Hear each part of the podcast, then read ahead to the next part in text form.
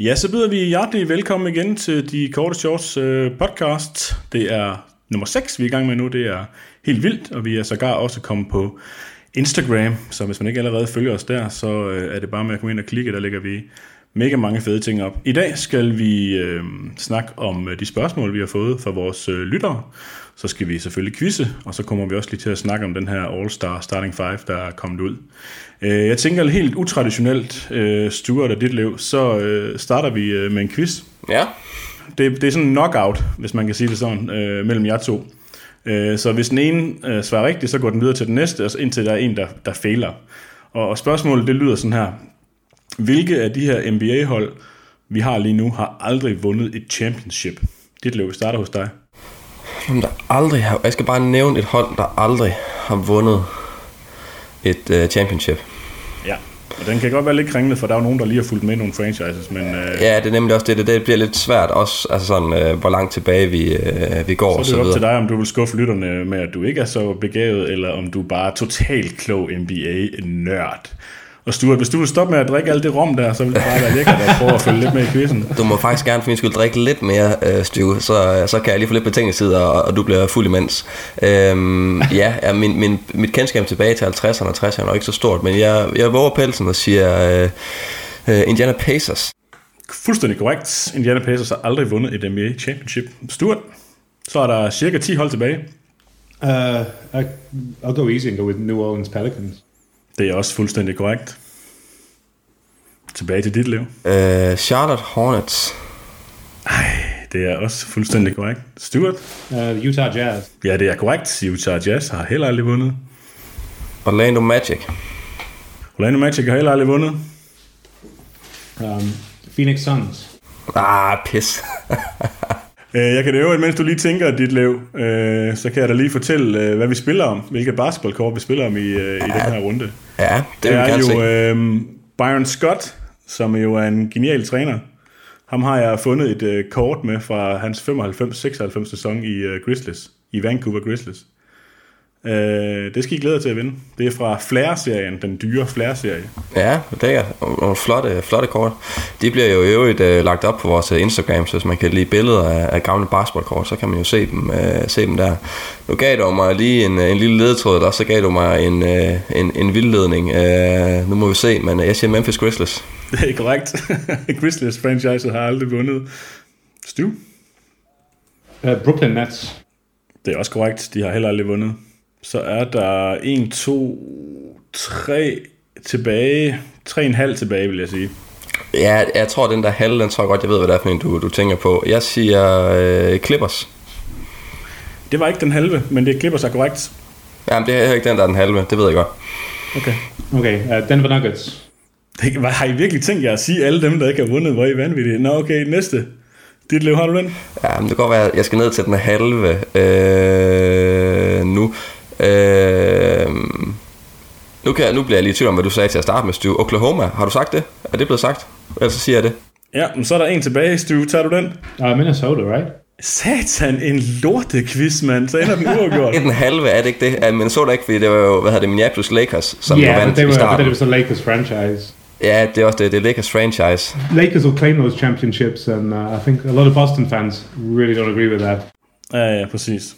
Nå, men det var jo øh, en forrygende start, jeg tog. Øh, næste gang skal vi lige spille den med hænderne op. Det synes jeg, I var lidt for mistænkelige gode til. øh, men nej, jeg ved, I er en kloge, kloge ballade med jer. Øh, I stedet for, så bevæger vi os videre og tager øh, det første spørgsmål, vi har fået fra øh, Esben Bro som øh, han er Wizards-fan, øh, fuldstændig vanvittigt i øvrigt, øh, og Danmarks eneste, efter hvad jeg har hørt. Han, øh, han siger, at det hold, der er lige nu, det er noget, der har fundament til et fremtidigt tophold, eller skal hele lortet trades? Det er hans ord, ikke mine. Dit hvad tænker du?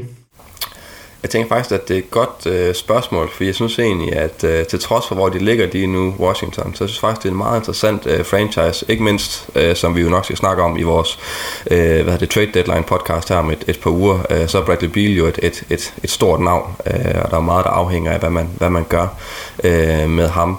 Øh, hvis jeg skal svare kort på spørgsmålet, så vil jeg sige nej, som holdet er konstitueret lige nu, så tror jeg ikke på, at Wizards er et mesterskabshold. Jeg tror faktisk ikke engang, de er, de er tæt på. Øh, Øh, hvis jeg skal svare lidt længere, så tror jeg, at de har nogle ret interessante øh, byggesten, øh, hvis man vælger at, at gå hver til sit med Bradley Beal. Men jeg tænker, at Stu kan lige få lov til at, at komme med hans take, og også dit, Søren, så kan jeg eventuelt uddybe det. Yeah. Um, I think the problem the Washington Wizards have is that um, Bradley Beal is a really, really good player, but he's not a uh, he's not a true number one player. And the Wizards are kind of treating him like he's a great player and not a very good player. He's not elite. Um, and if they pay him, uh, and it looks like they're going to go that way, um, uh, give him like a, a, a $250 million contract over five years, then they're kind of uh, fucking themselves up, I think, for uh, for the long run.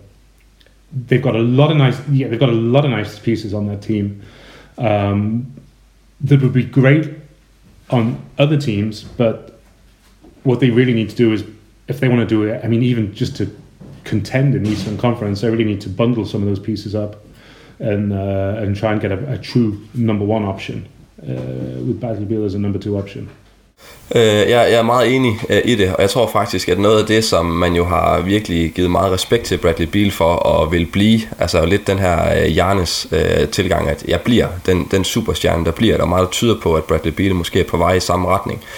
Øh, som det ser ud lige nu, så tror jeg faktisk, at noget af det værste, der kunne ske for, øh, for Washington. Jeg tror, at de har stået meget bedre, hvis vi tænker sådan championship equity, øh, sandsynligt for at kunne vinde et mesterskab på lange bane, hvis Bradley Beal han øh, i morgen sagde, jeg gider overhovedet ikke spille her mere, I skal trade mig, I skal trade mig nu øh, så man kunne få nogle øh, enten helt unge spillere, eller endnu bedre få nogle, øh, nogle picks, øh, måske endda høje draft picks. Det tror jeg stadigvæk sagtens, man kan få for Bradley Beal. Det kan også godt være, at man kan få det i en, øh, i en signing trade øh, på et senere øh, tidspunkt.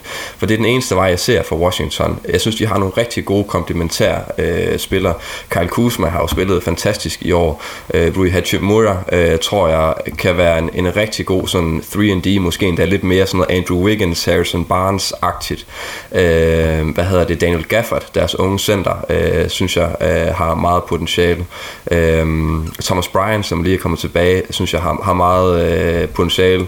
Øh, Daniel Afdia, altså de, de har rigtig mange spændende unge spillere, men de mangler det der kæmpe talent. Altså de mangler at gøre det, Memphis gjorde ved at få en Jamal Morant. I think it's a real shame with Gafford actually. It's that when uh, Thomas Bryant's come back, he's uh, he's actually been pushed out of the rotation uh, with uh, with Harrell and, uh, and Bryant in there. He's like the uh, you know he's like the uh, third wheel in that relationship, unfortunately. Jeg tænker, de skal af med en af deres store center, måske endda to af dem, øh, og så skal de trade Beal hurtigst muligt, få så meget for ham i, øh, i pick som overhovedet muligt. Så kan jeg godt se, at de om 4-5 år øh, kunne være øh, et rigtig, rigtig stærkt hold, hvis de rammer den lige i røven i draften.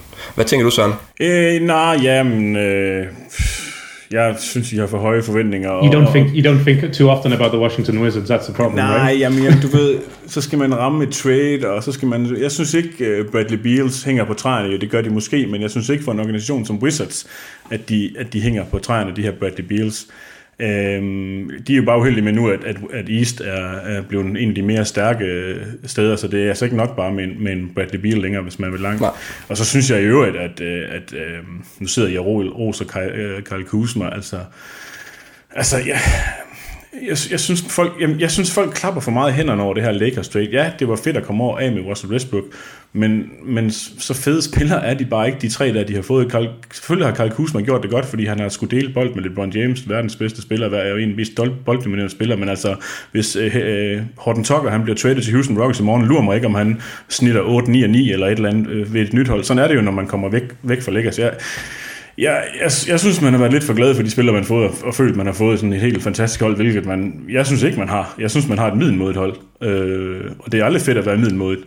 Øh, synes jeg, i NBA'en skal du være stinkende ringe, eller så skal du være... være men jeg, jeg vil bare sige, jeg synes ikke, spillere som Bradley Beal hænger på træen, og så er jeg enig i, at de har alt for mange center, og nu kan jeg se på dit liv, han kan ikke lade være med åbne munden, så værsgo dit liv. kunne, du, kunne, du, kunne du alligevel læse, læse så meget? Hvad hedder det? Jamen, jeg, jeg, er ikke, jeg er ikke helt enig, øh, fordi jeg tror, at det, jeg synes, der er den største gevinst ved vores Westbrook trade, det er ikke, at man får en masse superstjerner eller potentielle superstjerner. Man, man får nogle rigtig gode rollespillere, og det synes jeg, man har fået. Det, det man får, det er, at man kommer af med Russell Westbrook og hans kæmpe store kontrakt, som giver en noget fleksibilitet. Det anerkendte jeg jo også i det, jeg lige sagde, det, det, det forstår jeg godt, de klapper. Ja, men, men, men det synes jeg er rigeligt at klappe i hænderne af, for ellers er man låst på en Russell Westbrook 50 millioners kontrakt, og før det var man låst på en John Wall, øh, hvad hedder det, 45 millioners kontrakt inden det, og det synes jeg er, altså er kæmpe godt.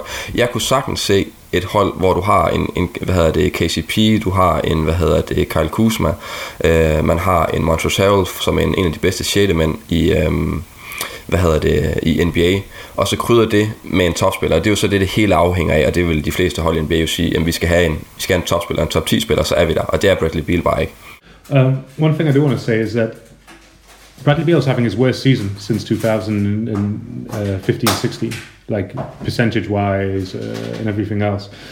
And if you swapped him for like another superstar with all the pieces they had, then I think you'd be looking at like a, a like a, a, team much higher up the standings. You got like uh, Danny Advida, he's a good player. Ru Hashimura, after he's come back from inj- injury, he's a, he's a good player. You know, I think Spencer Dinwiddie's been a little bit disappointment. I think uh, KCP's been actually okay. He's like uh, like one of the better three point shooters on the team. I think, uh, I mean, Brad Beal's only shooting 30%. Jeg synes også, KCP er okay, men jeg synes bare, mange af der spillere er okay. Jeg synes, de spillere, de har rundt om sig, det er dem, Drew Holiday og Chris Middleton og Giannis har rundt om sig. Men lige nu er det kun Chris, nu, lige nu er det Bradley Beal og alle de andre. De skal jo i hvert fald have to mere, for at det hold, de kan fandme ikke gøre det kun med en. Og den tro, dem tror jeg bare ikke, de bare fanger. Jeg tror ikke, Washington bare ringer, tager, griber telefonen og siger, hey, vi skal lige bruge dig og dig, kom lige over til Washington, det er en fed by. So the other option they have then is that they um, they have to get what they can now for Bradley Beal because he's out con- well he's got a player option at the mm. end of the season, but he's not going to take. I'm almost certain of that because he can get a uh, you know like a veterans max contract, which will pay him you know upwards of like 45 million a year over five years, like uh, you know ridiculous money. He's only 28 years old, um, and he has been in the NBA for 10, 10 years. So if, if, you're Washington, if you're like a little bit unsure, is this really the way we want to go? Like seeing like you know he's a star player with all these pieces, and uh, basically after a hot start without him, we're doing nothing. Do we uh, you know try and get what we can for him, and then uh, and then start again. I, I think if I was uh, uh, Washington's GM, I'd giving that serious consideration. Mm. Noget, jeg synes, øh, mange NBA-hold, og det er jo, nu, jeg er jo ikke general manager, så jeg ved ikke, hvad de sidder og tænker, men noget, jeg synes, det ligner at mange NBA-hold ikke tænker nok over, det er, det er timing. Altså i NBA er rigtig meget timing. Man hører tit om øh, at sige, jamen vi var rigtig, rigtig gode, men vi ramte ind i 90'ernes øh, Michael Jordan, eller vi var rigtig gode, men vi ramte ind i, hvad hedder det, øh, nullernes øh, Spurs og Lakers, eller, eller hvad det nu måtte være. Og hvis man kigger på Østlig nu, altså de næste 2, 3, 4 år, der har jeg svært ved at se en konstellation, hvor Wizards kommer op og bliver bedre end Brooklyn, end Milwaukee, øh, end måske endda en Philadelphia, øh, end Miami Heat, som alle sammen har deres spillere, har deres superstjerner øh, på kontrakter, i hvert fald de næste 2, 3, 4 år. Så deres vindue er alligevel ikke de næste ja, lad os sige 2 til 3 til 4 år. Så jeg vil, jeg vil bruge de næste kommende år på at lave et rebuild. Så om 5 år, når at øh, Kevin Durant er ved at blive gammel, når Joel Embiid er gået i stykker, øh, når Kyrie øh, Irving spiller squash, og øh, James Harden er blevet tyk, øh, så, så vil jeg øh, satse på at have mit gode hold der. Jeg tror alligevel, sandsynligheden for at kunne komme op og konkurrere med dem lige nu, er, er alt, alt, alt for lille. Så jeg tænker, det er et rigtig godt tidspunkt at lave sit rebuild på i Øst lige nu. Det er jeg fuldstændig enig med dig Den får du. Skal vi, øh, skal vi slutte på den, og så bare øh, en, øh, en, en tanke ud til en Bro. Det må være hårdt at være Wizards-fan nogle gange, der sådan øh, mange gange teaser en med at lave en fænomenal start, øh, og så bare falder fuldstændig fra hinanden. Det må være lidt af en rutsjebanetur. Det er sjovt, jeg altid kun kan huske de der fede ting, jeg siger fra podcasterne, fra de tidligere podcaster. For jeg kan nemlig huske, at vi havde Wizards, som de var for real eller ikke for real, hvor jeg sagde, at ja, dem bare roligt, de skal nok falde lige så stille ned. Kan I ikke snart begynde at huske nogle af de ting, jeg siger, der ikke passer? Det glæder jeg mig virkelig ja, til. Det er, det er det, vi sådan inden for psykologien kalder confirmation bias. Uh, det, er, det er en meget god ting, sådan kun at, at huske. Jeg kan aldrig huske, at jeg tabte en basketkamp, for, for eksempel. Altså, så det, det giver meget god mening. Eller brændte skud for at sags skyld. Udmærket. Uh, nummer to, Øh, jeg går ud fra, at han er Boston-fan. Det ved jeg, han er. Rasmus Stiger. Han siger, Tatum og Brown, hvad skal Celtics gøre for at blive en contender? Og det kan jeg da godt forstå. Der må sidde mange Boston-fans derude og tænke, motherfucker. Det kan godt være, at vi ikke var et top 3-hold, men vi burde fandme ikke ligge der, hvor vi ligger nu. Hvad tænker du, Stu? Um, like, there are a few things, but I think the, the most important thing, like if, if, if Boston wants to be a contender, they need a, they need a point guard. They need someone to help them eat. They're like one of the uh, yeah like one of the worst teams for uh, you know like uh, assist to baskets ratio.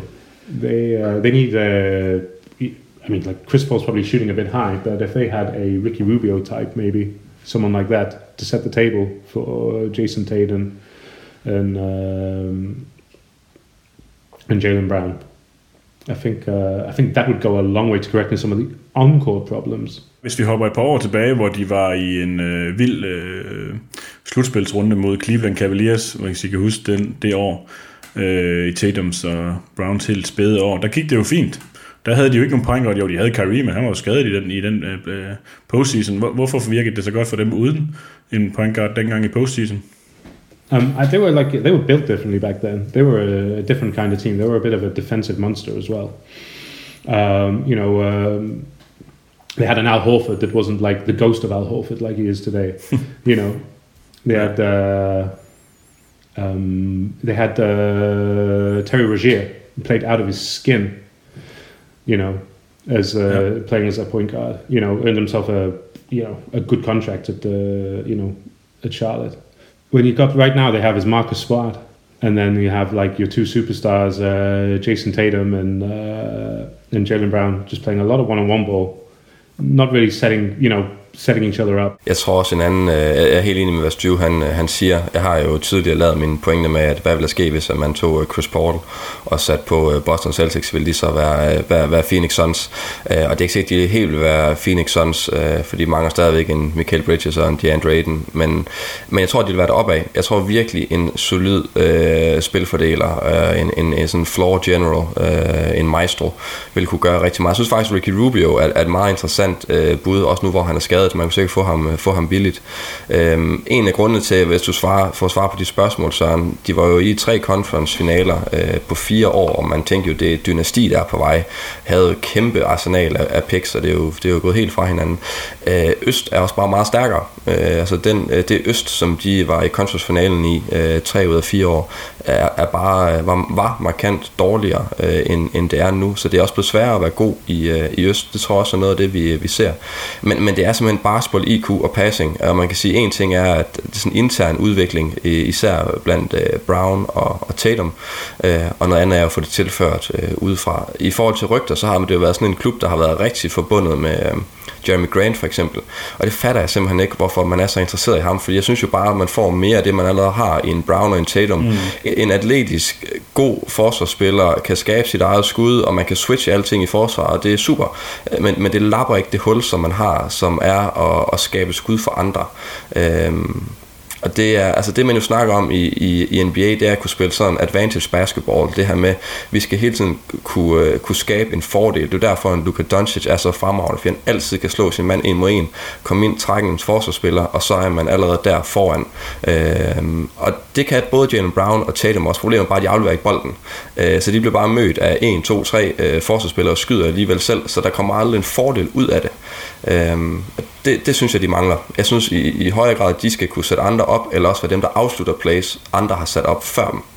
I think it's surprising, like in that sense, that, you know, how much they miss Gordon, uh, Gordon Hayward in that sense. Because he mm. someone who yeah. always moved the ball yeah. and would set other people up, you know.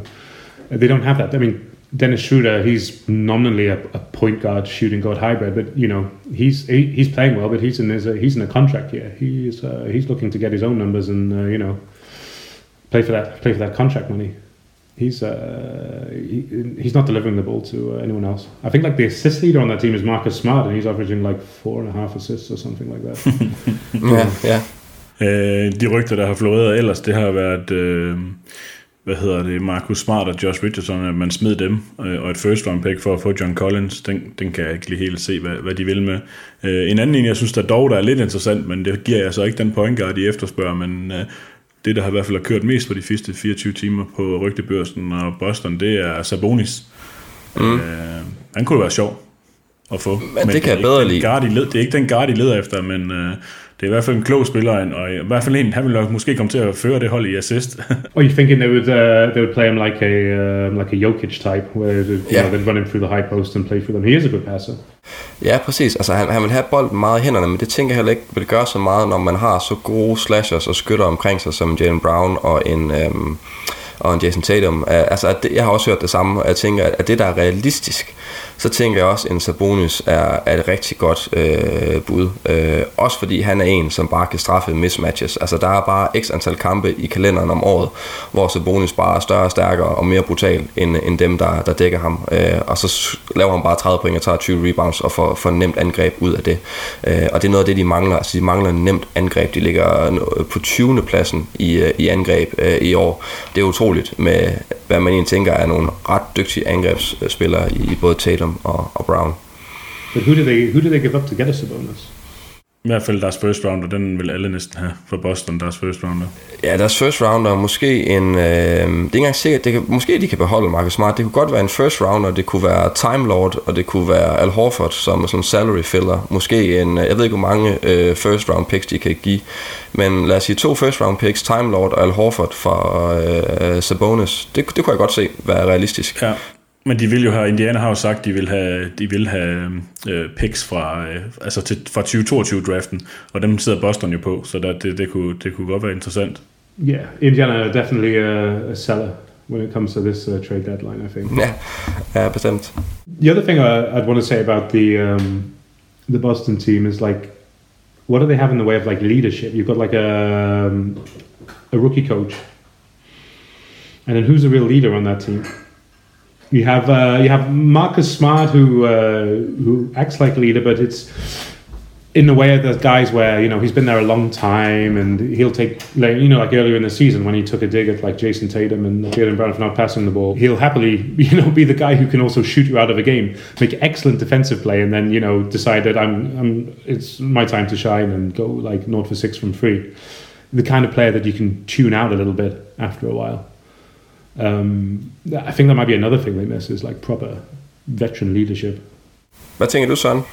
Jeg har ikke været så meget på den der point guard en. Øh, dog, øh, jo mere I snakker om den, jo mere kan jeg godt forstå den, især med de her assist-problemer, de har. Jeg er ikke sikker på, at jeg synes, at det er... Hvis jeg fik, hvis jeg fik muligheden for Sabonis, så havde jeg taget den til hver en tid, men spørgsmålet er bare, om man... Ja, det, jeg har bare svært ved, du ved, jeg har altid svært med hold, der er, at der er, øh, hvor skibet er sejlet, du ved. Altså selv hvis de får Sabonis, som du snakkede om før med Wizards, I er jo ikke bedre end Nets, I er jo ikke Jamen, så, så, så, så, så kommer jeg lige med et forslag her. Lad os nu sige, jeg tror, man kan få en Ricky Rubio øh, til en, øh, en ret god pris øh, ved trade deadline. Man spiller vel ikke i år, gør han det? Er han ikke ude? Også jo, men, men, men det er også det, der er min pointe. Jeg, jeg, tror, jeg tror, skibet er sejlet for Boston i år, altså for, for at lave noget. Øh, men, men jeg tænker, at, at, at til næste år er, er der chance. Så lad os sige, at man får en Ricky Rubio, øh, som er, er frisk, øh, som har rigtig meget af det, øh, de gerne vil. Han kan hvad det, styre angrebet, han kan løbe fast breaks, han kan gode afleveringer, han kan sætte øh, Jason Tatum og, og Jalen Brown op, og man så trader sig til en, øh, en Sabonis, så har man potentielt en start lineup, der hedder øh, Rubio, Marcus Smart, Jalen Brown, Jason Tatum, Sabonis. Det er sådan umiddelbart en, en starting lineup, jeg tænker kan konkurrere med de fleste. Det er jeg helt enig med dig i. Og det tænker jeg ikke er så urealistisk et sted at nå hen for dem, for at være helt ærlig. Nej, nej, jeg snakker bare mere om, om det, om det spil af, om det spil at gøre nu, altså her til den her trade deadline. Jeg synes bare, jeg, jeg vil ikke have så travlt med at gøre det her til deadline, hvis jeg var det. Nej, nej, men det er jeg enig med dig i. Jeg vil heller ikke være, jeg vil heller ikke øh, være bange for, at Boston ikke gjorde noget. Hvis jeg var Boston-fan, så vil jeg helt sikkert tænke, der sker noget til sommer, bare roligt. It does look a little bit as well like Boston are. They're also aware that they're only. Um, yeah, they made that trade for uh, Bol Bol and uh, Dozier for Hernan Gomez, and now they're only like uh, 2.8 uh, million over the uh, luxury tax. So I, I, think maybe they also see this season as a, as a wash, and that if they make any uh, any trades at the trade deadline, it's probably just going to be to shed salary. Jeg, jeg vil så lige sige, at altså, lige nu ligger de på 9. pladsen. Uh, de ligger 2,5 uh, kampe uh, fra 7. pladsen. De ligger fire kampe fra 6. pladsen, som er Brooklyn. Brooklyn, som er, er jo fuldstændig... Uh, altså, ødelagte af, af, af mange forskellige øh, grunde. Jeg hørte lige en podcast øh, den anden dag, øh, jeg tror det var Brian Windhorst øh, podcast øh, på ESPN, at, øh, at Brooklyn Nets har en procentvis ret stor sandsynlighed for, med den schedule, de har. De har en af de sværeste øh, kampprogrammer tilbage i resten af sæsonen, for at lande nede på en 7. og 8. plads. Øh, det er altså at sige, hvis man kan snige sig op og få noget, der minder om en 6. 7. eller måske endda en, en, en, en 5. plads, øh, hvilket ikke er fuldstændig urealistisk. Øh, men nogle af de hold, der er i toppen, Chicago, som er skadesramte, Philadelphia, som er, er skadesramte, et, et, et Cleveland-hold, som jo har spillet fantastisk godt, men som jeg ikke ved, om folk sådan helt tror på. Cleveland, Boston i første runde, jeg vil ikke sådan skynde mig ned og sætte øh, 10.000 kroner på, at Cleveland vinder den 4-0. Altså, så der er, også, der er også mulighed for noget opsæt i, øh, i Øst, Ja, men de kommer jo ikke forbi, de kommer ikke forbi Bucks jo. De må, de må da gerne kæmpe for at komme i Eastern Conference Finals på, på et coin toss, men altså, de kommer ikke, kommer ikke forbi Bucks. Nej, Tværtimod, og de kommer, de kommer heller ikke forbi Heat. De kommer overhovedet heller ikke forbi Heat, hvis det er Heat ved fuld styrke. Det tror jeg heller ikke. Jeg tror heller ikke, at- at de på den måde sådan kan vinde et mesterskab i år, men jeg kunne sagtens se dem, hvis tingene flasker sig, øh, vinde en, øh, en runde, og det tænker jeg, som, som sæsonen har udfoldet sig, øh, så tænker jeg egentlig ikke, at det er så øh, slemt. Hvis de så kan få en Sabonis for eksempel, øh, vinde en første runde, og så få en, en point guard til, til næste sæson, så tænker jeg egentlig, at der er grund til noget optimisme i, i Boston, selvom det har set skidt ud indtil, indtil videre. Ja. Lad os, lad os lukke den der på noget optimisme til ham, den gode Rasmus Stiggaard. øhm, skal vi lige tage en øh, quiz, en bare lige en hurtig en, jeg har. LeBron her for nylig, han er kommet på en øh, liste med at have 1000 i hver kategori. Altså det vil sige, at han har skudt 1000 gange for straffekastlinjen, han har skudt 1000 gange for træerne, han har lavet 1000 fejl, han har lavet 1000 turnovers. Øh, alt sådan noget, der bare hedder noget med 1000. Det er der kun en anden spiller, der også har gjort. Hvem er det? Kareem? Yeah. Yeah. Ja, jeg tror, jeg tror, Kareem er mit bedste bud. Yeah. I think so too. Det er forkert. I må gerne byde igen. Jeg ved ikke, hvad alle de andre har, der var tæt på at være på den liste har. Jeg har kun den anden persons navn. Mm. Er er det, er det, jeg går ud fra, at det er et kendt navn. Så meget må vi kunne, uh, kunne Ja, det er antage, et kendt at, navn. at, at det er... Um, Er en meget kendt navn. ja. Er det sådan Mount Rushmore kendt? Altså en af, en af de helt store? Er der, kun, er der mange af der på Mount Rushmore? det er et godt spørgsmål. Er der ikke... Uh, er der ikke... Uh, er der fire eller er der fem? Det er helt pinligt. Ej, det, det, er der er fire på den, men jeg mener på din Mount Rushmore, men på den rigtige Mount Rushmore er der vist fire. Det havde været sejt, hvis jeg lige kunne name drop dem nu. Jeg har lyst til at sige Washington, Lincoln, øh, ej, det ville være, det ville være sygt, jeg ikke af. Ja, øh, Lincoln. Roosevelt. Uh, ja, Roosevelt er også, skulle jeg lige så sige. Jeg ved ikke, hvem den sidste er. Jefferson måske. Nå, anyways, det skal ikke lige handle om amerikanske præsidenter Trump. lige nu. Sorry, that's the uh, that's the uh, that's the rum cocktails talking. I do Nu apologize. skal I ikke have mere rom og drikke, jer to. Øh, I skal jo gætte, hvem der også har 1000 i hver kategori. Vi kommer lige off track her. I skal gætte, hvem der også har 1000 i hver kategori. Altså også ramstraffe og misset straffe og alt det her. Det er jo alt. Men er, er det også blocks, steals, assist? Også blocks, blocks, steals, alt point. Alt, hvad I kan tænke på i en øh, liste, står der. Det har han 1000 i. I, I want to say like Carl Malone, but I think I would have Ja, også et godt bud. if it was him. But fuck it, I'll go with Carl Malone. Det er med det der med at være en spiller, der både har 1000 assists, og, øh, eller så slut 1000 blocks og 1000 steals. Det lyder meget. Øhm, så hvem? Øh, Hakim? Og et, et rigtig godt bud. Øh, det er forkert. Jeg er ret sikker på, at han mangler assistene. Men jeg er ikke 100 på det, men øh, han, havde, han havde ikke så høj assist. Nej, det, havde, det har vi vist haft i en quiz før, så det er assisten, han mangler øh, for at være, være helt... Øh, helt. Skal, skal vi langt tilbage? Øh, Nej, vi skal ikke langt tilbage. Han stoppede for, inden for fem år siden. Inden for fem år siden. Kobe. Jeg har ikke tænkt mig at sige noget, før dit løb kommer på sit svar. Det er kedeligt, hvis I gætter på det samme. Kan, kan, jeg, kan jeg fortælle lytterne, at så han sidder med sådan rigtig smørret smil lige nu. øh, ja, Kobe, det var da et, et, et godt bud. Han har i hvert fald skudt og brændt det, han skulle, og også lavet de turnovers. Han, øh, han skulle, han gik øh, på pension. Øh, det passer også øh, alt sammen. Øh, jamen, hvis jeg skal sige noget andet end Kobe, så kunne det også være Tim Duncan. Ja, men I har begge to taget fejl.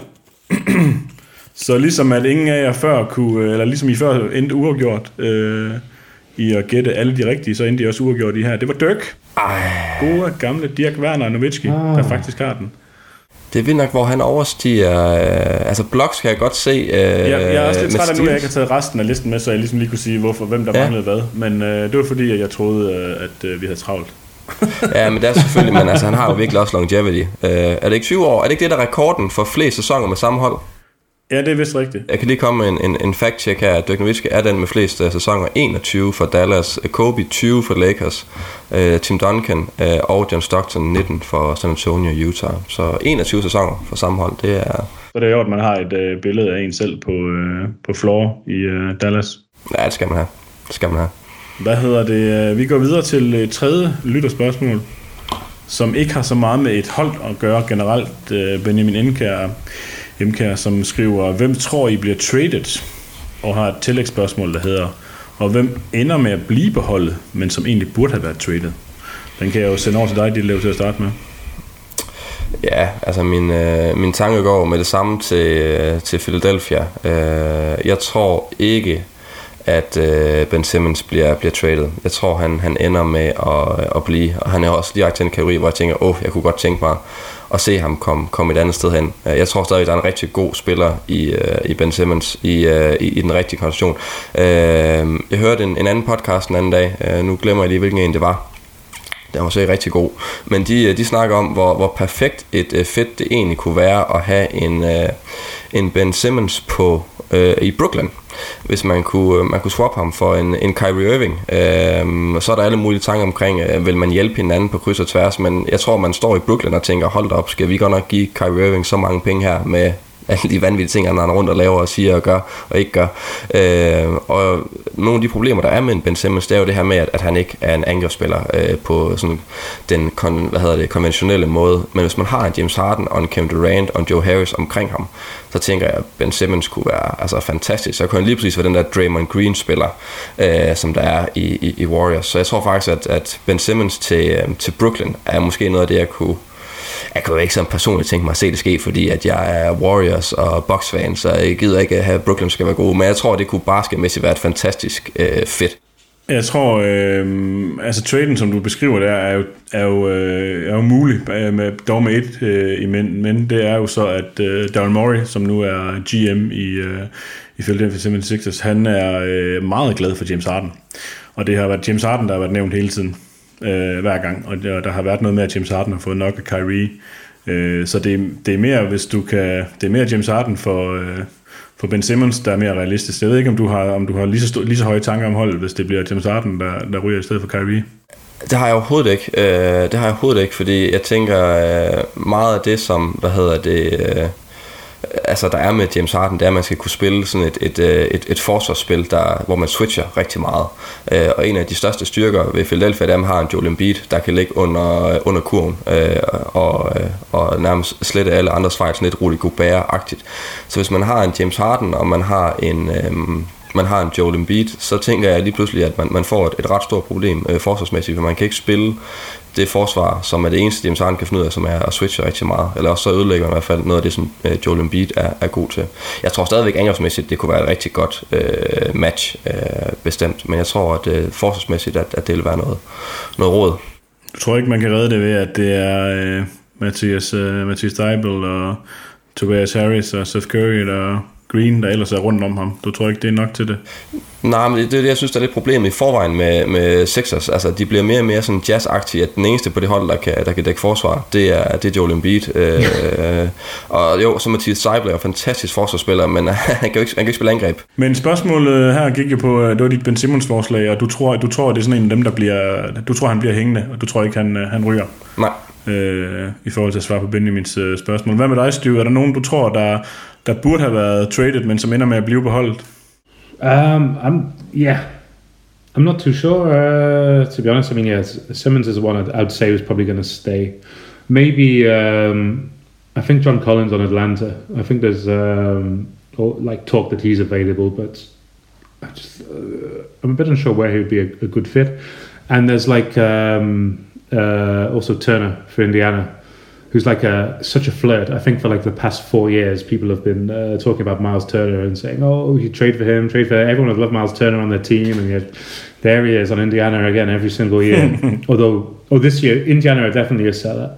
Another team I think are, are probably going to have a bit of a file sale. Maybe are uh, are the Clippers because you know they're uh, they don't have Kawhi. Paul George has gone down. They're not going to contend this year. They've got like uh, I think they've got a pretty immense uh, luxury tax bill of over 90 million. So if they're not going to contend, they might as well uh, cut a bit of costs. So you've got like your, yeah, Bledsoe, Ibaka, Winslow could be available for a contender. I can think of teams that could use them.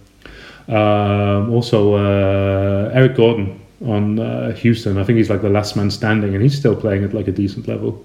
I think there are teams that could use a shooter. Boston could use someone who could uh, shoot a three pointer and make it. Jeg noterer mig, øh, jeg noterer mig at 36, cirka 36 minutter, hvad jeg lige skal gætte på, inde i podcast nummer 6, der øh, skal vi huske at spole tilbage, når Clippers de øh, ender i øh, øh, Western Conference øh, Finals, øh, som jeg jo, øh, som jeg jo har, har sagt, de gør. Hvis man keder sig øh, nogle gange på Instagram, så kan man falde over nogle sjove videoer. Jeg sad og faldt over øh, den video med John Wall, der florerer lige nu, hvor han øh, render rundt og spiller og bare ligner en kæmpe stjerne, og ham har Clippers jo øh, flyttet rigtig meget med, så i stedet for fire sale, så overvejer de åbenbart at gå den anden vej og hænge på, på John Wall og Paul George og Kawhi Leonard. Det, øh, den, er, den, den, den konstellation synes jeg er spændende. I hvert fald, øh, det er i hvert fald mange kontrakter. De har i hvert fald den helt klare fordel, øh, at de har den suverænt rigeste ejer i Steve Ballmer i hele NBA, så penge er, de sidder rimelig løst øh, på ham. Der er jo nogen, der har snakket om, at sådan den største fordel, man kan have i, i NBA, det er jo at have en, øh, et, en ejer, som er villig til at bruge en masse penge, og så ellers bare blande sig udenom. Og det har, det har Clippers virkelig. Så, så det, på den måde det er ikke så urealistisk, at du siger, det er sådan. Nej, Øhm, det, det kan nok godt sagtens lade sig gøre. Så er LA også en rimelig attraktiv by, så der er både god, god ejer med penge, og så en, en fed by. Øhm. What do you guys think that the Portland Trailblazers do during this trade deadline with uh, Lillard out? Um, do you think they get rid of CJ now that uh, Anthony Simmons is uh, starting to become a player? Jeg tror ikke, de smider Lillard, fordi han har jo deklareret hans kærlighed, ligesom Giannis har gjort til Milwaukee, så uh, det yeah. tror jeg ikke. Jeg, jeg synes, uh, Portland står lidt i den situation, som, uh, som jeg beskrev før med Wizards, at, uh, at de har en, en superstjerne, uh, som er rigtig god, men måske ikke helt god nok uh, mm. til, at tage dem, til at tage dem hele vejen, som har erklæret sin kærlighed og været enormt trofast og lojal, og nu tror jeg, det bider dem i røven. Øh, snakker vi om Damian Lillard? Vi snakker om Damian Lillard nu. Nej, han er superstjerne. Han er, han er, Damian Lillard er superstjerne, men han er ikke i min bog, han er ikke, han er ikke en top 10 spiller øh, i, øh, i NBA. Øh, og så skal det kun være, fordi han har fået, man har glemt ham lidt i den her sæson. Han er i hvert fald top 12 spiller i mit hoved. Jamen, han, han, jeg er også enig. Han, altså, han, han, er lige, han er lige på, men, men man kan måske også gå så langt som at sige, skal man have en top 5, 6, 7 spillere måske, for at kunne, øh, kunne gå hele vejen. Min pointe er, at jeg kan ikke se Portland gå ret langt øh, i, i nær fremtid, eller i lang fremtid med, med det hold, de har lige nu. Så deres bedste chance for at blive relevant igen er øh, at, at starte forfra. Øh, og til det er deres bedste våben bare at skille sig af med Damien Lillard, og det tror jeg ikke, de kan finde på. Øh, I hvert fald ikke lige nu, fordi at han har erklæret sin kærlighed at være så trofast over for holdet. Så jeg tror, man kunne finde på at lave det samme, at man beholder ham i alt, alt, alt for lang tid, og trader ham for sent. Øh, og det er jo respekt i forhold til måde at behandle mennesker på øh, rent strategisk, så tror jeg, det er en fejltagelse. I modsætning til Washington, som du snakkede om før, øh, er, en, er en svær East, øh, så synes jeg, at Damian Lillard med det rigtige rundt om sig er lige så stor chance for... Øh, altså, CJ McCollum skal fyres. så han er egentlig en god nok spiller. Hvis du, kan, hvis du kan finde CJ McCollums angreb i en anden spiller, der har et noget godt forsvar, så har du, øh, så har du virkelig, så har du virkelig et øh, fedt hold. Øh, ikke, ikke blandt de bedste hold, men jeg mener, nu så skal vi finde en ordentlig secondary spiller, altså en, en Drew Holiday, Chris Middleton-agtig secondary spiller. Så husk på, at Utah, Utah er de hold, der er et tophold lige nu, som, som for mig aldrig rigtig er et tophold. Så er det et ungt uh, Grizzlies hold, der er et tophold. Så er det øh, LeBron James på 500 år, og med Anthony Davis i kørestol, der er et tophold. Eller skulle have været et tophold, er det ikke. Øh, så er det Phoenix Suns med øh, en aging Chris Paul og, og en alt for overhyped øh, center i øh, DeAndre Ayton, og så selvfølgelig gode, øh, gode Devin Booker. Jeg, synes, jeg, jeg, jeg vil helt klart bare tænke, hvis jeg bare kunne få en god spiller mere til at spille sammen med Lillard for næste sæson, sammen med øh, Nurkic, så har jeg et et, et legit hold til at... Ikke, ikke et hold, der er favorit, men et hold, der godt kan drille. Jeg, jeg, jeg synes, I sover på Damian Lillard. Værsgo, Stiv. No, I, I was just saying the thing with Nurkic. I think that um, I think he's been hampered by injuries a bit too long. I think he's starting to fall off already, even though he's at a young age. I don't think he's something you want to build a foundation by. The one thing I will say, I think I agree with Ditlu that it's going to be, you know, like waiting too long. But the thing is, it's not something that Portland can do. They can't. I mean, look at what happened to uh, to Boston mm. when they got rid of Isaiah Thomas, and you had players like Anthony Davis and his dad saying he'll never play for a team like Boston because of that.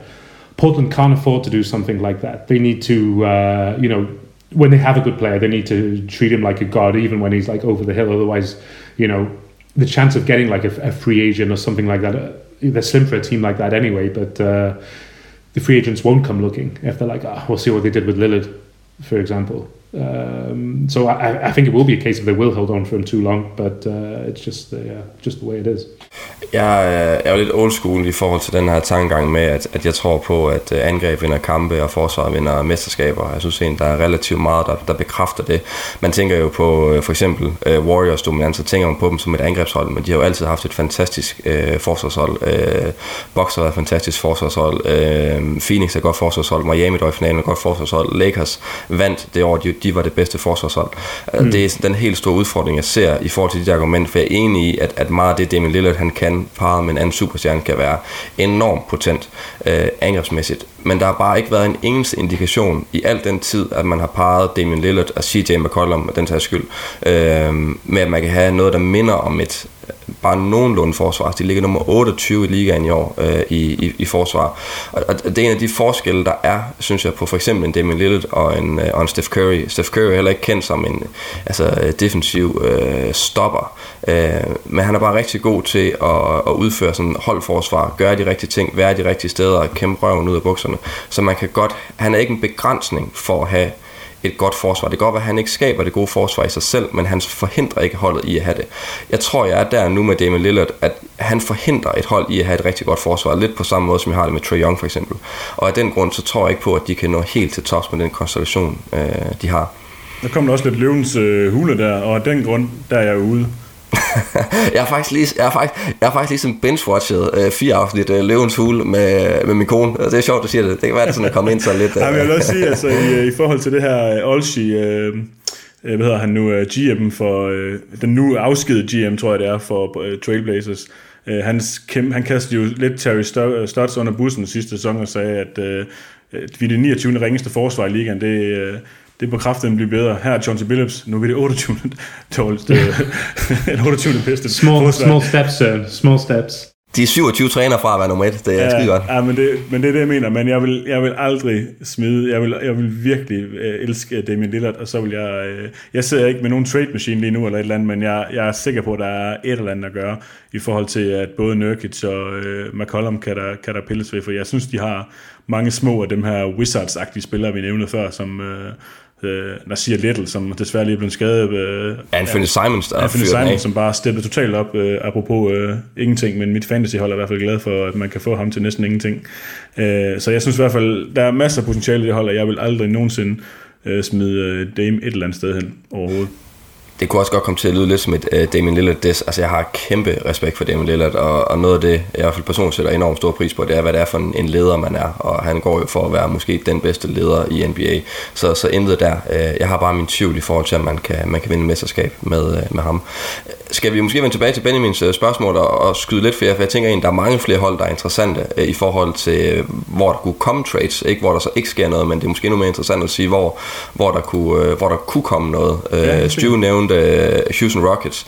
Uh, jeg tror og håber, at Eric Gordon kommer afsted. Jeg tror virkelig, at han kan, han kan hjælpe uh, nogen. Altså en anden oplagt, der har været snakket om, det er jo uh, uh, Jeremy Grant i, uh, i Detroit, uh, som jeg tænker også helt sikkert kunne, uh, kunne, kunne, kunne hjælpe nogen. Um, ja, det er nok noget, vi i hvert fald også kommer til at uh, drøfte måske i vores trade deadline. Så måske vi laver live på YouTube. Det kommer an på, om det lige flasker sig det hele for os. Men uh, det er i hvert fald planen, at vi prøver at gøre et eller andet der live. Uh, og tager den. Øhm, men ja, Jeremy Grant, altså jeg, jeg vil lige sige til en kommentar til ham i hvert fald i forhold til, hvis øh, han er jo også på, på, på bloggen i Chicago. Øh, det hold bliver for alvor legit for mig, hvis de ender med at hive en type ind som Jeremy Grant, øh, uden at skulle smide nogle af deres andre store øh, fire spillere. Øh, det vil godt nok være et helt vanvittigt scoop. Øh, noget et hold, vi ikke har snakket om endnu, øh, det er Utah Jazz, og det er jo måske en mest konservative hold i ligaen, men de har jo fået øh, Bostons gode gamle Danny Ainge, øh, som øh, støttemand, og han er altså en mand, der virkelig tør at gøre noget.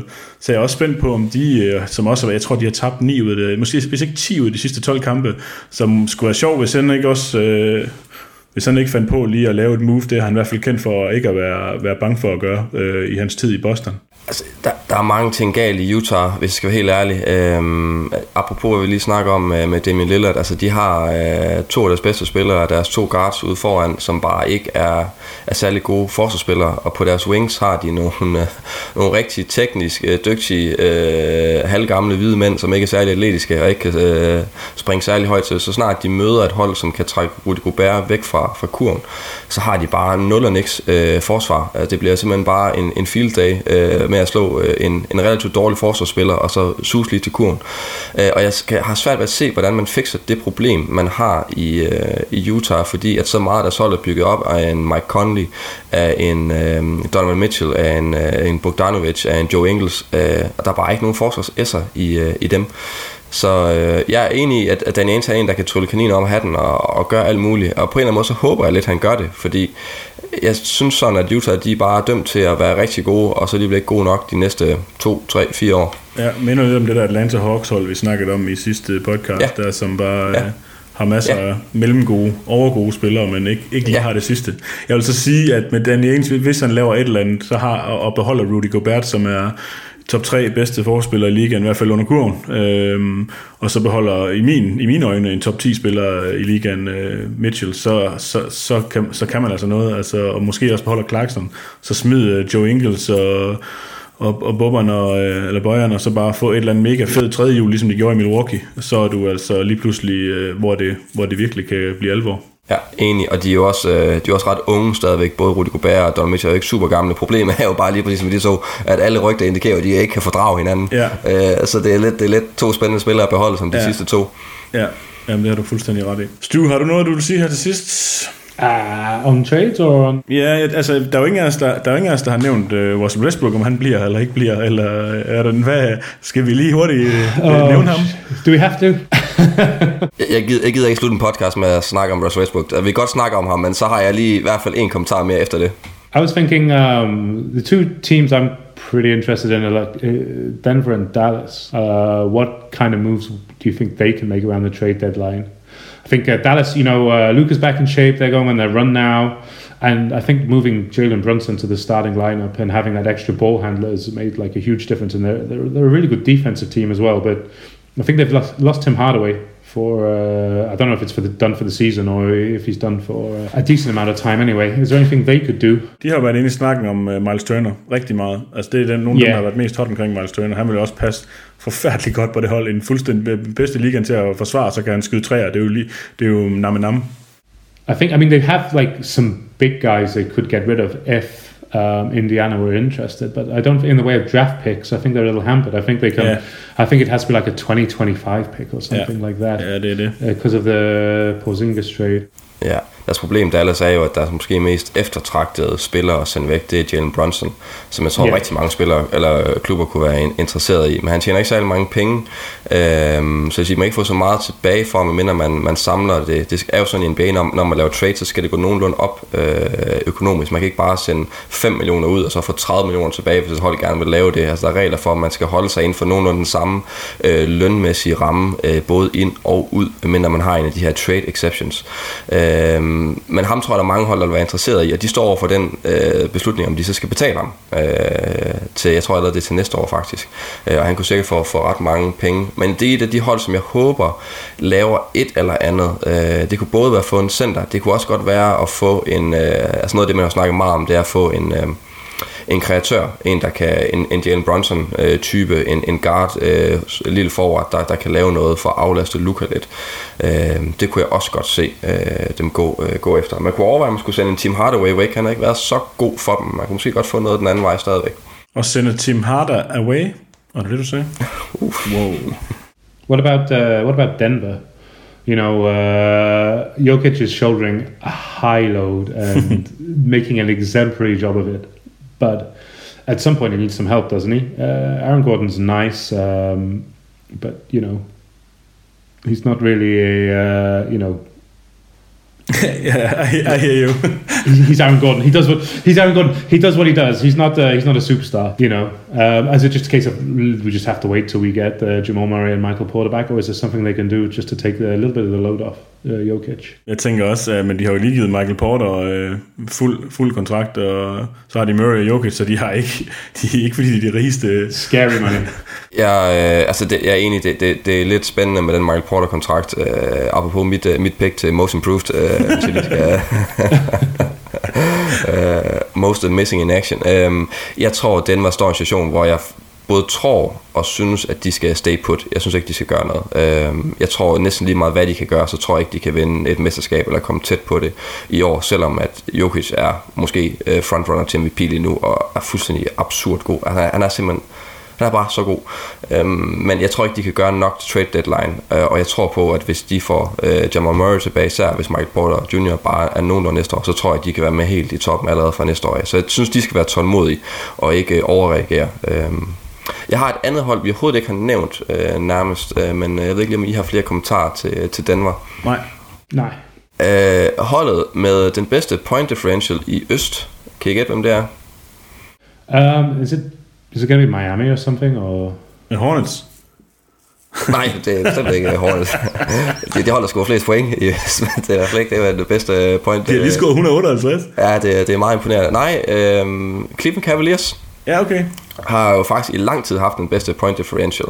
They've been a revelation, haven't they? Fuldstændig. You Altså, could have made a lot of money on them at the beginning of the season if you'd have just made a player a bet on them being in the playoffs. Jeg kan ikke lide at snakke om Cleveland Cavaliers, fordi hver gang nogen har, jeg har snakket med dem om øh, den her sæson, så har jeg snakket, hvor i de, i de, de få, der har troet på Cleveland, de, dem har jeg kaldt idioter.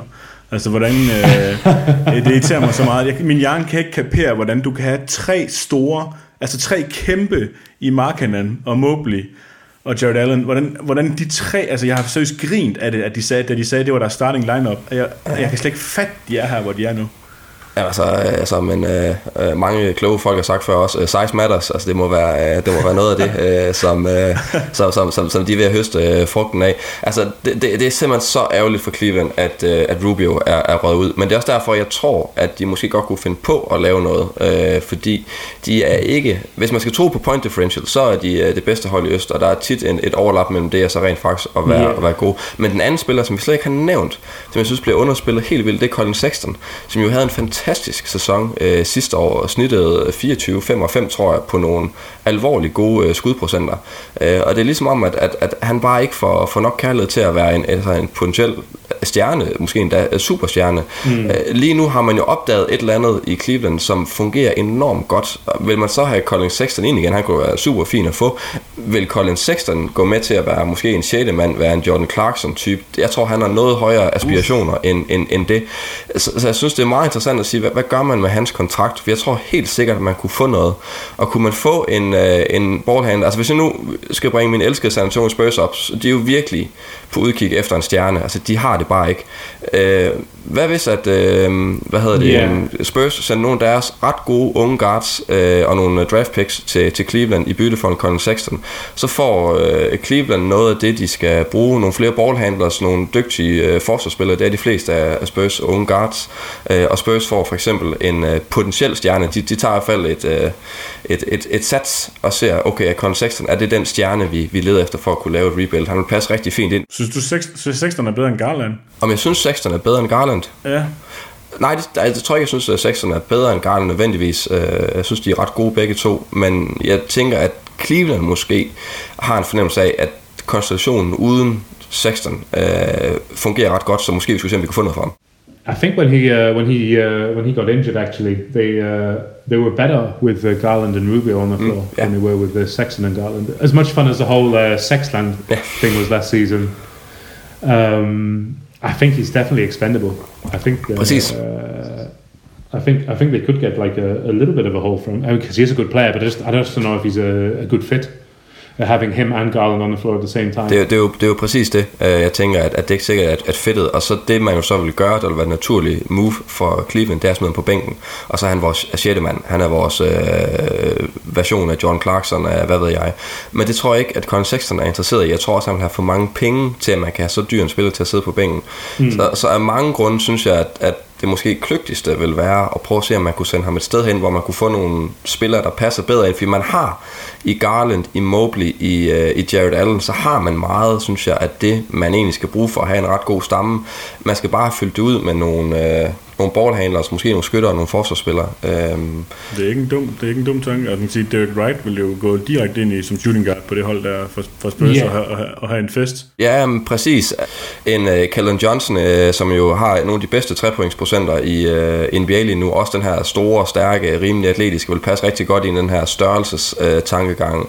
Uh, Lonnie Walker, også atletisk, uh, hurtigt spiller op og ned ad banen. Altså, jeg tror ikke Spurs skiller sig af med det John Murray, det synes jeg ikke, de skal. Uh, men de er i hvert fald hold, jeg synes, det eneste problem med Spurs, er, at de har nærmest ikke lavet et in-season trade uh, i de 22 år, jeg, jeg har holdt med dem, så det er nok ikke så sands- sandsynligt, at der sker. Fik jeg, fik jeg kaldt Utah Jazz et konservativt hold. Jeg Ja. glemte lige Spurs. Ja, fuldstændig. De, øh, altså, de er fuldstændig frosne i sten på, på trade deadline. Men, øh, men så kunne det være et andet hold, øh, som, som har måske noget af det samme, der kunne, øh, der kunne sendes øh, Clevelands vej. Det synes jeg kunne være interessant. Også bare fordi, det er så god en historie. Altså prøv at tænke, hvis de kunne komme ind og få et tredje seed i... Øh, jeg tror faktisk lige nu, i forhold til ESPN's øh, sådan projections, øh, forudsigelser med deres øh, store øh, skemaer og matrices, der kan regne sådan noget her ud, øh, så tror jeg, at øh, de spår Cleveland til at slutte som nummer to i Øst.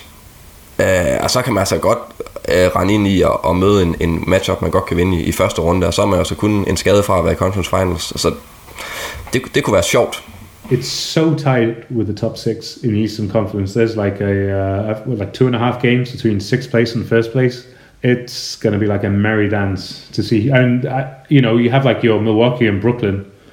Like, what if they end up meeting as like the fourth and fifth or something like that? That'll be a disaster for both teams. At some point, we've been, we've been saying, oh yeah, Milwaukee, they'll get their players back, they'll put the foot on the gas pedal. But uh, you know, they've, they've, I mean, they're only missing Brooke Lopez, and maybe it is a case of you know, like uh, they are what they are at this point. But uh, you know, can you take that risk? Do you think, okay, it's a regular season, we've won a championship now? Do we, um, yeah, do we just, oh, you know, wait till it's like winning time? And then suddenly you're facing like Philadelphia in the first round or Brooklyn in the first round. Men hvis jeg lige skal tale øh, sidste gang, tale Clevelands øh, sag. Miami er gode. Jeg tror ikke, de ryger, øh, ryger nogen steder. Øh, Chicago er gået i stykker på alle lederkanter og mangler deres to bedste øh, forsvarsspillere.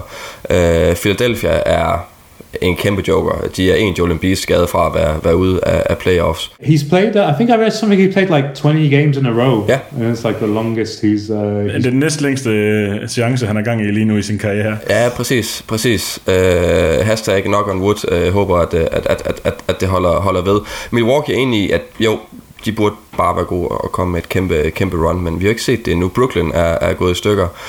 Um, mm. Og Cleveland har en af de, jeg tror måske, de har den letteste uh, schedule uh, tilbage, eller kampprogram uh, mm. resten af sæsonen. Altså der er rigtig meget, der, der taler deres vej for, at de kan hoppe endnu højere op. I think they've beaten some good teams as well in their last 10 games. They beat like the Nets and uh, and, and Brooklyn and. Uh, De bliver ved med at overraske, men øh, jeg, jeg, jeg, jeg, jeg står på, at de er ikke noget værd. jeg, står, Du- du- jeg står på, at de er ingenting værd. Du går ned med skibet. Det, det stak lidt ud over uh, trades og sådan noget her, men det var stadig en, en mega interessant snak. Det var i hvert fald et uh, godt spørgsmål fra Benjamin, der fik os til at Ja. snakke uh, en masse. Jeg har lige fået et sidste, eller jeg fik lige en sidste spørgsmål ind af Flippen, inden vi uh, gik i gang. Uh, det er Ebbe Gade, uh, som skriver uh, ligestilling. Er det lige med juridisk abort for mænd? Og den tænker, den passede ikke helt, helt ind, men Stu, uh, legal abortion for mænd? um, I uh, I stay away from uh, those political religious questions. I just get myself in trouble. That is the correct answer. I don't want to be cancelled, sir. We're, we're uh, it's a young podcast. Let's not uh, let's not fuck it up. Jeg synes heller ikke helt, det passer i den her. Hvad hedder det? Øhm, jeg sidder og kigger på et basketballkort lige nu med en center fra Indiana, der hedder Rick Smits. Jeg kan lige, øh, det, hedder, det udtales Smits. Ja, altså det udtales på tysk. Herr Schmitz. Ja. Øhm, og øh, den kan man vinde, hvis man kan nævne flest af dem, som øh, sidst jeg tjekkede, lå i uh, top 5 i all-time 3-points procenter. Så øh, jeg har siddet og kigget på fem spillere lige her, og så skal I så komme med øh, fem spillere, som I tror, øh, som I tror ligger der. Og det er altså all-time. Ja. Okay. Så øh, hvem er, så, så dit liv, den første du tænker på, der er helt sikker, hvem er det? Til Steve Kerr. Og Stu, den første du tænker på, der er helt sikker? Jason Capone. Jason Capono er ikke på. Oh, Steve Kerr er på en førsteplads med 45,40% skyder han for træerne all time. Nummer to, eller bare, bare en af de resterende, resterende fire, Jamen, øh, jeg tror øh, Tim Legler. og dit liv. øh, Steve Nash. Begge to er forkerte. Mm. Jeg fortæller, at nummer to er Seth Curry. Så har I stadig tre bud tilbage til at gætte de sidste... Er det her sådan en der liste, hvor der ikke er et minimum for, hvor mange skud, man skal have skudt? Er det bare... Øh... Nej, der, der, er helt, der er et minimum. Okay. De sidste tre, øh, de, øh, der er kun en, der spiller lige nu, og de to andre er stoppet. De to andre... Okay, uh, Ray Allen. Det er Du må ikke sige Ray Allen. Del Curry. Del Curry er øh, forkert, og det er Ray Allen også. Hmm. Hubert Davis ligger der. Det er en svær en, du har fundet til os. Lige nu står der altså 1-1. Nu skal vi altså gætte en spiller på fjerde. Den, der ligger på fjerdepladsen lige nu, er en spiller, der spiller aktivt i NBA lige nu. Han er skadet lige nu.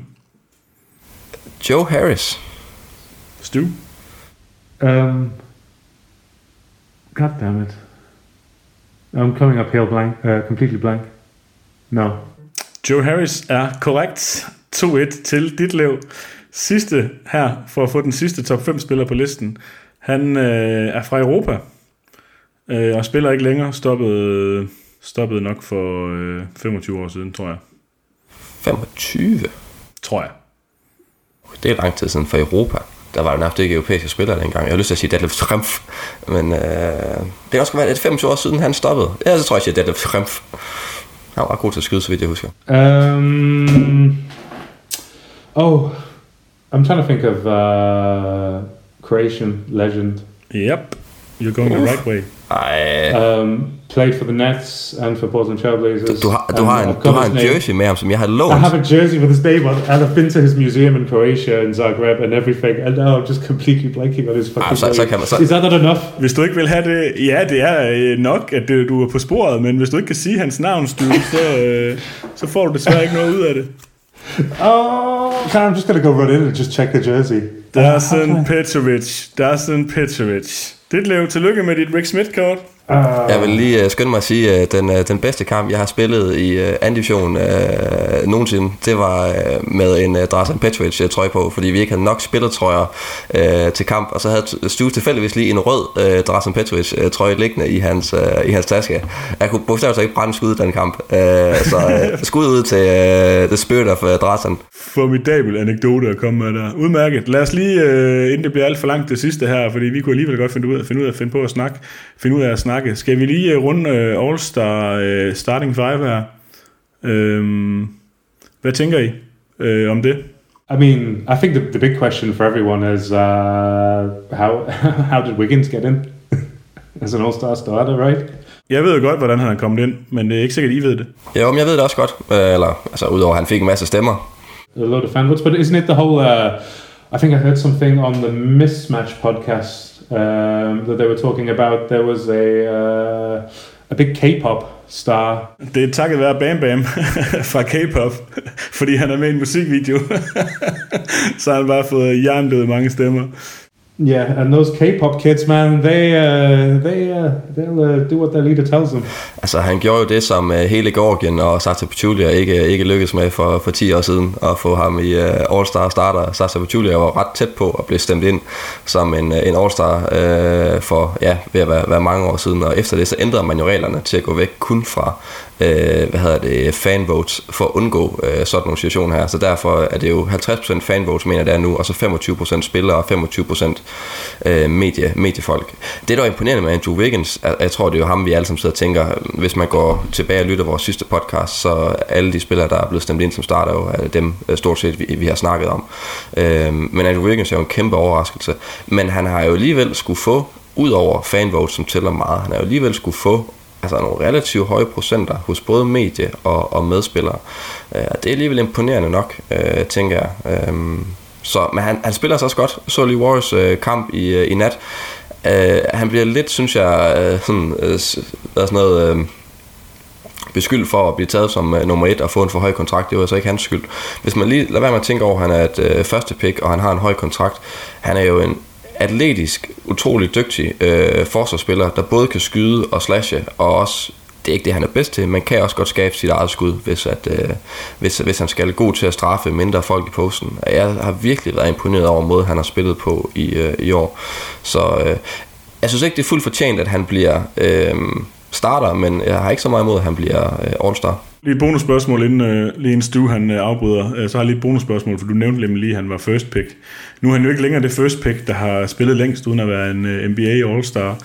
Øh, den er gået videre til en anden. Ved I, hvem det er? Første til at gætte det for et basketballkort. That's still that's still playing, yeah. Ja, altså det, det er jo en, der har overtaget den nu fra ham, som nu har spillet 206 kampe uden at have, spillet, uden at have spillet, øh, uden at blive udtaget til en All-Star-kamp. Og det er, det er f- første pick i en draft. Oh, oh, oh, oh, uh, Marco Fultz. Nej, det er Andre Ayton.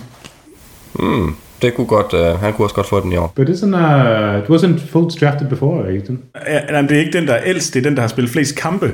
Altså, øh, det, mm. så, det, så det er derfor, at vi går forbi hinanden. Ja, den, han har spillet 206 kampe, jeg tror, at Folsom ligger på noget, ja, det er kun i 100 et eller andet, ikke? Så øh, derfor er, har det Andre Ayton overtaget den lidt tvivlsomme ære at have den. Men hvad var du ved at sige, Stu, der, inden jeg afbryder dig? Um, I think the rum's gone to me, uh, so I completely forgotten. Super, super. Jeg for meget rom, hvilken podcast. Øh, Ditlev, du øh, sad lige og snakkede om, at det var øh, fortjent nok. Ja, man bliver ikke overstået bare på en kamp, men jeg synes generelt, uh, Warriors er ud over Spurs uh, suverænt hold, jeg har set spille mest i år, uh, og jeg har stort set altid været meget imponeret af Andrew Wiggins. Jeg synes, han, uh, jeg er jo boet i Minnesota uh, i flere omgange i mit liv, så jeg har et nært forhold til, til Timberwolves også, og, og set ham spille, jeg har også været meget skuffet over ham, dengang han var i Timberwolves. Men man kan godt nok sige, efter han er, han er kommet til Warriors, jeg synes jeg virkelig, han har gjort det godt. Jeg synes, det fortæller lidt om det her med at, at finde sin plads, og også at acceptere sin plads, og han har jo virkelig accepteret accepteret sin plads i Warriors, at han er øh, tredje fjerde banan øh, på, på det hold, og, og når han hviler i den rolle, så ser man bare, hvor god en spiller han kan være. På den måde minder det mig faktisk meget om den historie, vi ser med Aaron Gordon i Denver, øh, kommer til et hold, hvor han får den rigtige position, får den rigtige øh, rolle, øh, og simpelthen bare øh, blomster. Og alt tyder også på, at han er enormt glad. Alle rapporter fra, øh, fra Andrew Wings er, at han er enormt glad og godt tilpas med at, øh, med at være der. Så det er jo bare en, øh, en rigtig god historie. Especially because I remember the talk on him when he went there was, uh, oh, how long is he going to be there for?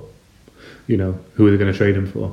But uh, it's it, it's nice that he has fit in. Ja, og hvis man kigger på det trade lige nu, altså ham for D'Angelo Russell, og man fik øh, det pick, som blev til øh, James Wiseman. Nu ved jeg godt, at James Wiseman stadigvæk er lidt en, en, en joker, men altså det var jo et monster, monster trade af Golden State, som var sådan lidt kritiseret dengang, og tænker, ah, er det nu, er det nu så smart? Men øh, det har jo vist sig at være kæmpe, kæmpe godt for dem.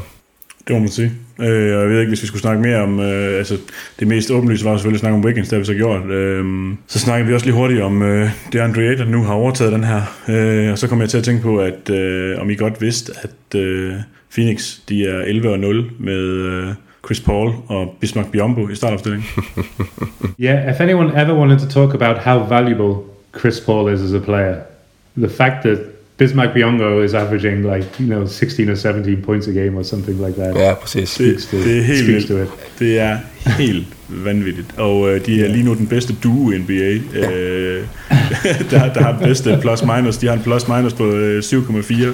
Øh, det er helt, helt, helt skørt. Altså, jeg sidder, jeg sidder lige og tænker, at, øhm, at det er jo nok meget tydeligt øh, to ting lige nu. Det er, at øh, vi er tre gutter, der rigtig godt kan lide at lave podcast, og måske også tre gutter, der, øh, der ikke har lavet så mange podcasts tidligere, fordi vi har jo ikke øh, nævnt over for vores kære lytter, hvem der er, der er øh, starterne. Ja, det, det har man kunne se ind på vores Instagram. Der har vi delt den. Ja, men det er rigtigt, men det er jo ikke sikkert, at alle vores lyttere, øh, hashtag skynd jer lige ind og, og følg os på, på Instagram, men det er jo ikke sikkert, at alle, som har set det, så måske for en god skyld, bare skulle nævne, hvem de fem starter er. I, øh, i Vest øh, er LeBron James blevet kaptajn. Faktisk også en lille smule overraskende, fordi Steph Curry førte med, jeg ved ikke hvor mange, øh, tusind, tusind stemmer, men øh, måske han slumper LeBron James gode spil har gjort, at han er blevet øh, kaptajn.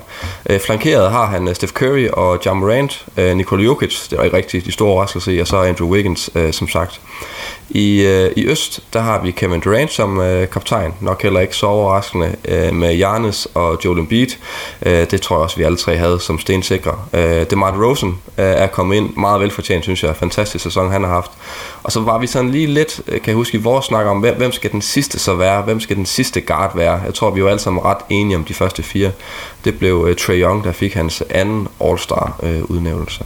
Så er det faktuelle i hvert fald lige på, på plads. Have you um, have you seen what they're doing with the um, with the rookie game this year? Ja, det er helt vildt. Har du fulgt med der også, dit liv? Jeg er fuldstændig uden. Jeg har som sagt siddet og set øh, Løvens Hule, så jeg ved ikke, hvad der sker i... Øh, De, øh, de kører simpelthen med, at det er 12 rookier og 12 sophomores, og så øh, fire fra G-Leaguen, der øh, kører den. Det er, meget, det er meget interessant.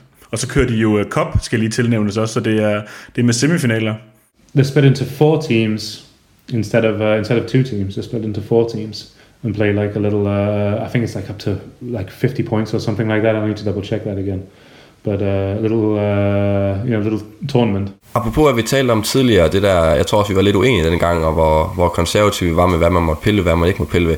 Det synes jeg er fedt, at man vælger at pille ved uh, rookie-sophomore-kampen, fordi det er altid bare sådan uh, en, altså en gang uh, kast alle fra midten af, og der er ingen, der dækker forsvar. Uh, det her med at mix it up, uh, prøve noget lidt anderledes, måske få nogle G-League-spillere med, der, der kan gøre sig fortjent, uh, have lidt mere at spille for, det synes jeg er super interessant. Uh, fedt tiltag lige umiddelbart er min, min første reaktion. Semifinalerne bliver spillet til 50, og så finalen til, til 25. Til 25? Ja.